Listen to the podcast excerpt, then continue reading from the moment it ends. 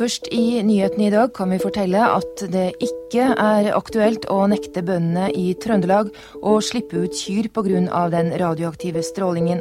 Det mener den fungerende helsedirektøren. Målinger fra Nord-Trøndelag viser at enkelte steder er det målt 50-60 ganger mer enn den normale bakgrunnsstrålingen fra naturen. Dette er ikke henta fra ei fersk nyhetsoppdatering. Det blei derimot sagt i ei nyhetssending på NRK rundt to uker etter Tsjernobyl-ulykka i 1986. Den mest alvorlige kjernekraftulykka i historien skulle få store konsekvenser for matproduksjonen i deler av Norge. Visste du at en del matvarer som sauekjøtt, reinsdyrkjøtt, melk og grønnsaker måtte kastes? Kan det samme skje igjen?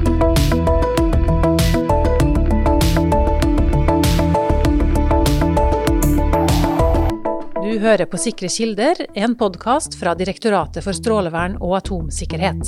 Jeg heter Halfrid Simonsen. Krigen i Ukraina har ført til at vi igjen snakker om faren for ei atomulykke. Da er det naturlig å trekke paralleller til det som skjedde i 1986. I denne episoden skal vi ikke snakke om hvorfor atomulykka skjedde. Vi skal heller ikke snakke om sannsynligheten for ei ny atomulykke. Det vi skal snakke om, er hva konsekvensen kan bli her i Norge hvis vi får ei ny atomulykke i Ukraina. Nemlig at mat og drikke blir forurensa av radioaktivt nedfall. Og kanskje lærer du også noe nytt om hva radioaktivitet er. Siden vi skal snakke om mat, har vi invitert med oss Toril Agnalt Østmo fra Mattilsynet, som er seniorrådgiver på seksjon kjemisk mattrygghet, og som også er veterinær. Du skal få komme til orde etter hvert, eh, Toril, men vi starter med Håvard Tørring, som er forsker på seksjon for beredskapsanalyse her i DSA.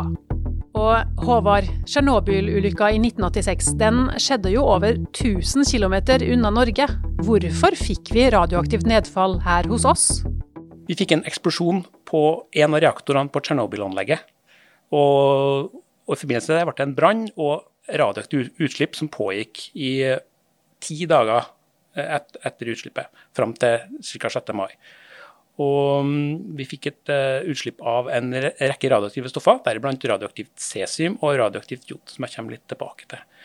Det var en uheldig vindretning for Norge, og vestavind, så vi ble et av de landene som ble mest berørt.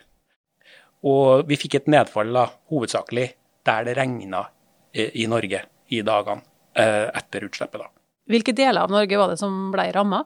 Det var hovedsakelig Gudbrandsdalen, Valdres, også indre deler av trøndelagsfylkene, eh, sørlige deler av eh, Nordland og mindre i nord for Saltfjellet.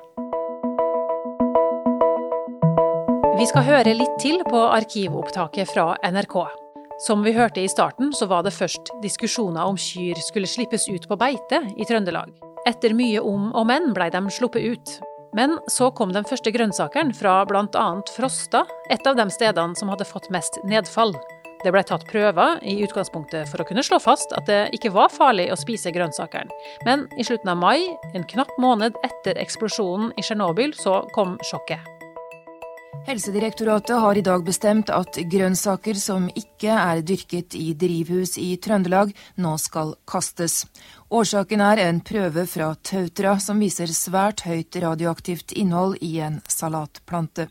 Det er funnet mengder av radioaktivt jod og cesium som overstiger de norske faregrensene.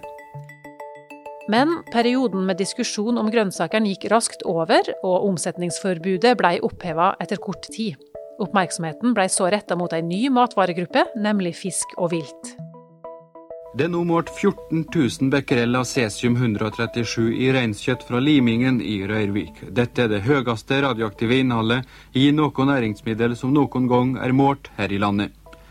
Målinga ble kjent for Helsedirektoratet først nå i ettermiddag, og i morgen tidlig vil helsestyresmaktene drøfte eventuelle tiltak. Det høyeste radioaktive innholdet målt noensinne i et næringsmiddel her til lands, blir det sagt i innslaget fra 1986. Man frykta store konsekvenser for reindrifta. Men eh, hva er egentlig radioaktivitet? Håvard, kan du prøve å forklare oss det? Det enkleste å ta utgangspunkt i, radioaktive stoffer. Og radioaktive stoffer det er atomer med ustabile atomkjerner. Og de ustabile atomkjernene de sender ut stråling når de omdannes. I forbindelse med, med radioaktivitet så er et veldig viktig begrep som er veldig viktig å ha klart for seg, og det er begrepet halveringstid. Uh, halveringstid er Jeg kan bare bruke et enkelt eksempel. Hvis du starter med 100 atomer, hvor lang tid tar det før 100 atomer er redusert til 50 gjennom omdanning? Og halveringstid det er veldig stoffavhengig, så at uh, halveringstida kan være fra brøkdel av et sekund til flere milliarder år. Radioaktivt jod har generelt veldig kort halveringstid. Den, uh, den varianten som har lengst halveringstid, er jod 131 og den har åtte dager. Mens uh, radioaktivt cesium, der er det vanligvis to varianter vi snakker om i forbindelse med et, eh, et utslipp, og da er det cesium 134 og cesium 137. De har henholdsvis eh, halveringstid på to år og 30 år. Ja, Jod og cesium har jo mange av oss uh, hørt om, og det med halveringstid og at den varierer. Men, men, kan du si også litt hvorfor altså Mange tenker jo at radioaktivitet er så farlig. Hvorfor er det farlig? Nei, det er jo strålinga fra radioaktive stoffer. De kan i utgangspunktet skade cellene i kroppen. Da snakker man ofte om to forskjellige eh, skader. Man snakker om akutte skader. Det er veldig sånn ofte det er sånn type ting som eh, strålesyke og sånne greier. Men det er ikke relevant i forbindelse med matproduksjon. Her er det snakk om senskader. Og senskader, dvs. Si at arvematerialet skades, men ikke nok til at cellene dør. Og det vil jo kunne føre til at du får en liten økning i sannsynligheten for, for kreft når uh, du utsettes for stråling. Uh, og selvfølgelig sannsynligheten der vil være avhengig av, av, hvor mye stråling utsettes du for.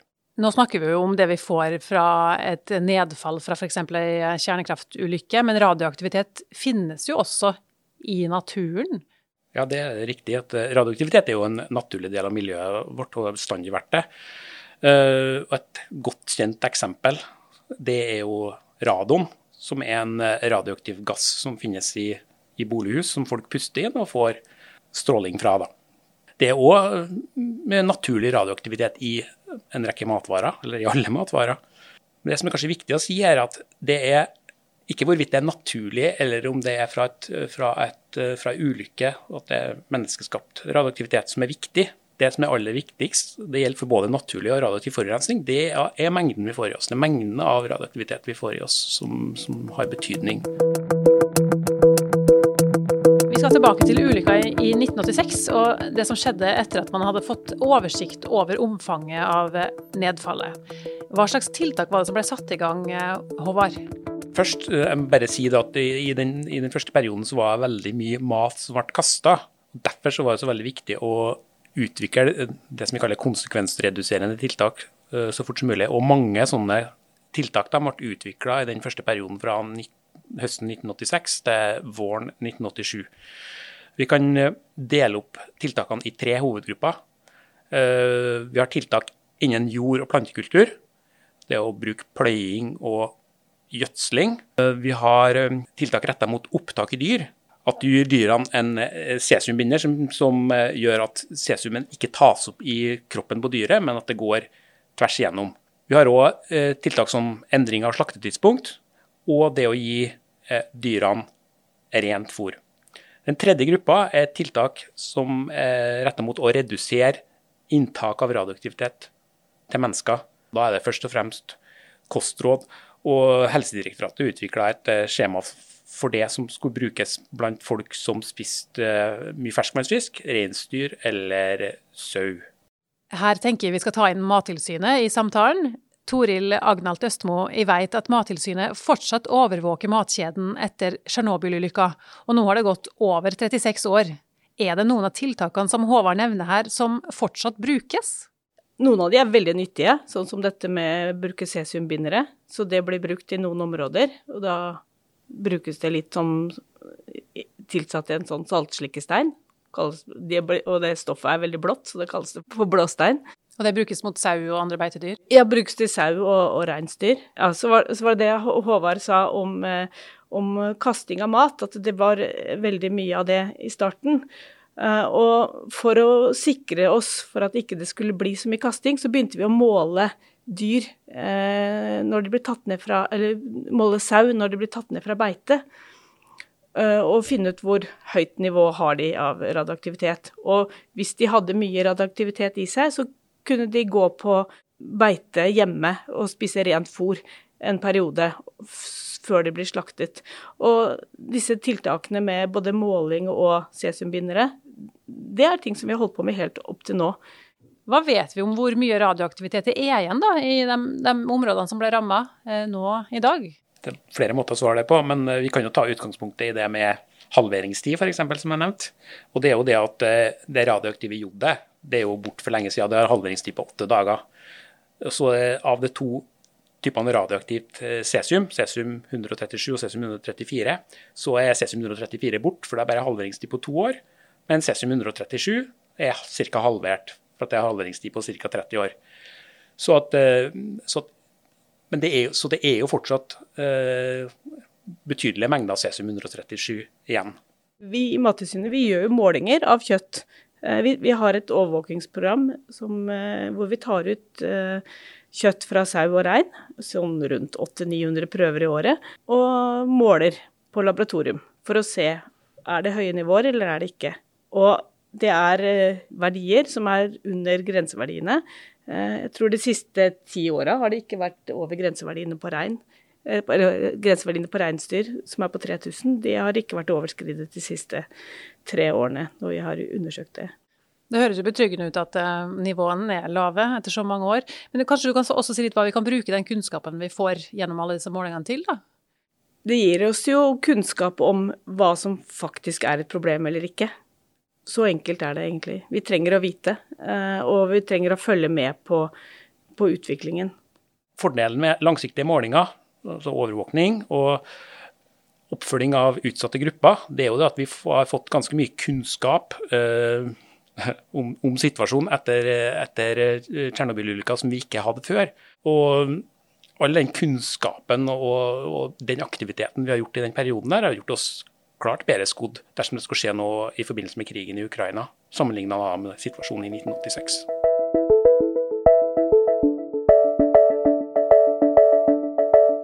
Grunnen til at vi tar opp dette temaet nå, er som vi allerede har snakka om, atomtrusselen som har oppstått i kjølvannet av Russlands krigføring i Ukraina. Og da er jo spørsmålet, hvis ei sånn ulykke skjer i Ukraina i dag, hvordan vil det påvirke oss? Konsekvensene for Norge vil jo selvfølgelig avhenge av av situasjonen. Hva er det som rammes? Hvilket anlegg? Vi snakker veldig mye om Zaporizjzja-anlegget, men det kan være et av de andre anleggene i Ukraina som rammes òg. Det vet man jo ikke.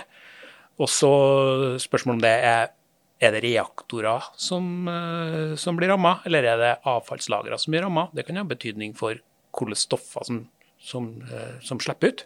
Og hvis du f.eks. har en reaktor som er nedstengt, sånn som Zaporizjzja nå har vært nedstengt i, i flere uker, så har du jo pga. den korte halvveistida lite jod. Altså. Det er nesten ikke noe jod igjen, så jod vil ikke bli et problem. Så det vil være, for Norge vil det være et cesium som vil være et problem. I tillegg til hvor mye som slipper ut, det er jo hvor lang tid varer, varer utslippet. Det er jo langt fra Ukraina til Norge.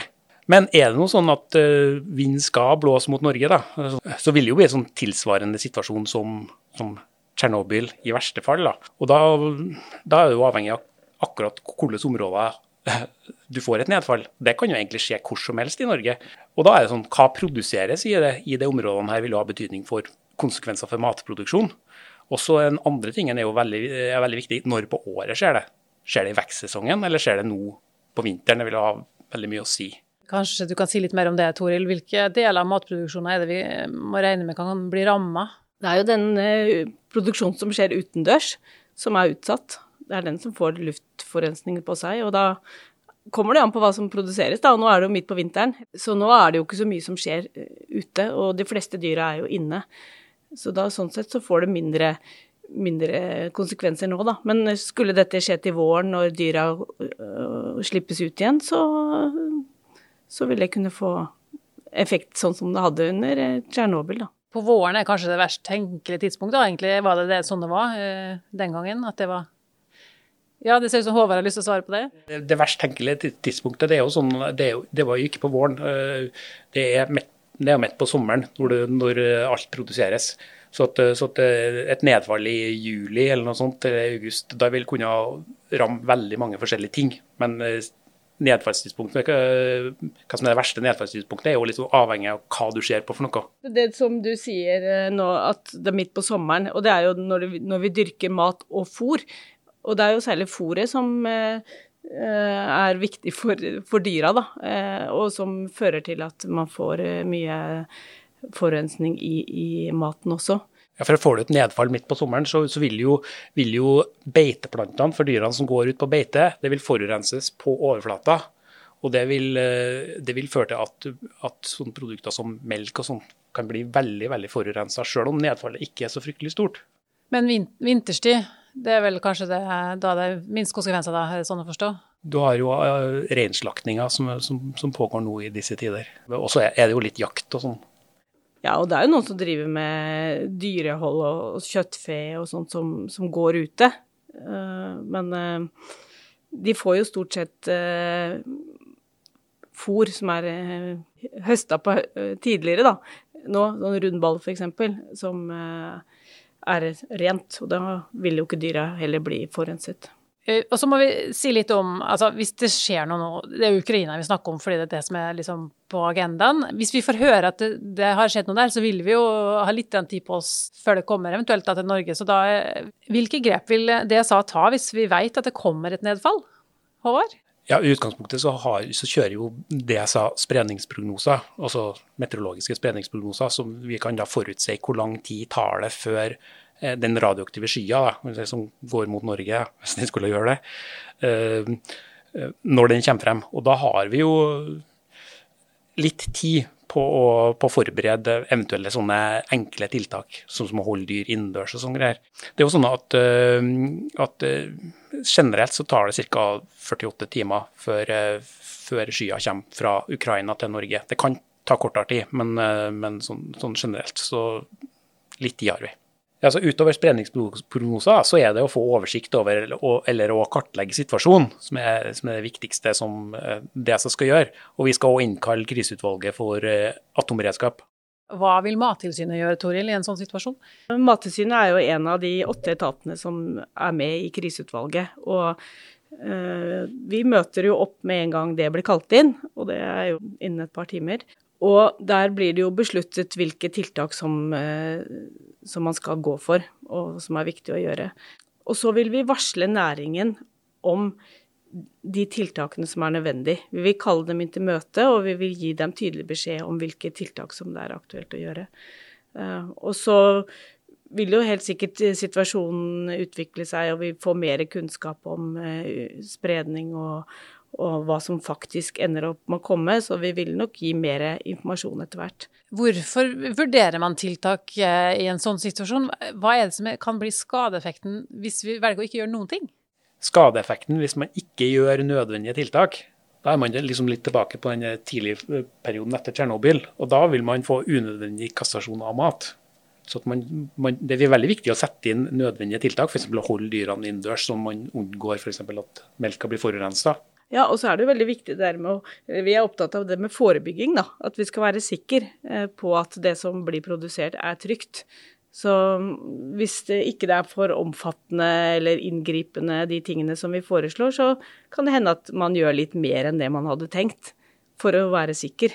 Men dere snakker om eh, at vi vil unngå unødvendig kasting av mat. Men, men det er sånn at næringsmidler kan bli så forurensa at vi ikke kan spise eller drikke det? Er det riktig?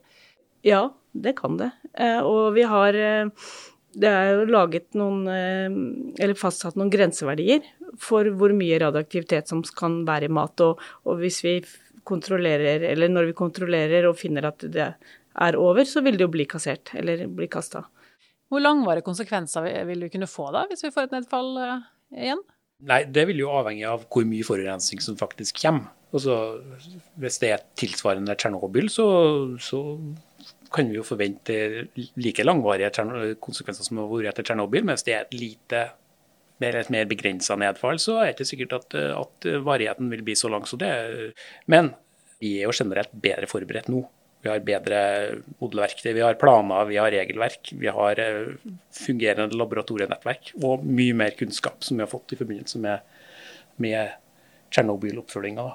Ja, og det er veldig fint at vi har, fått, at vi har lært av, av fortida, da. Det tenker jeg. Eh, og at uh, også myndighetene snakker godt sammen og, og, har planer for uh, Eller de kjenner hverandres roller og oppgaver og, og, og kan Eh, kommunisere også ut til befolkningen på en fornuftig måte da, om det som, eh, det som gjelder. Jeg tror det må få bli siste ordet i dag. Du har hørt på Sikre kilder, en podkast fra Direktoratet for strålevern og atomsikkerhet. Arkivklippene du hørte fra NRK, er henta fra en serie i tre deler kalt Den radioaktive våren, laga av Trond Sot Ryen i 1986. Hvis du liker podkasten vår, så må du gjerne dele den med venner og bekjente.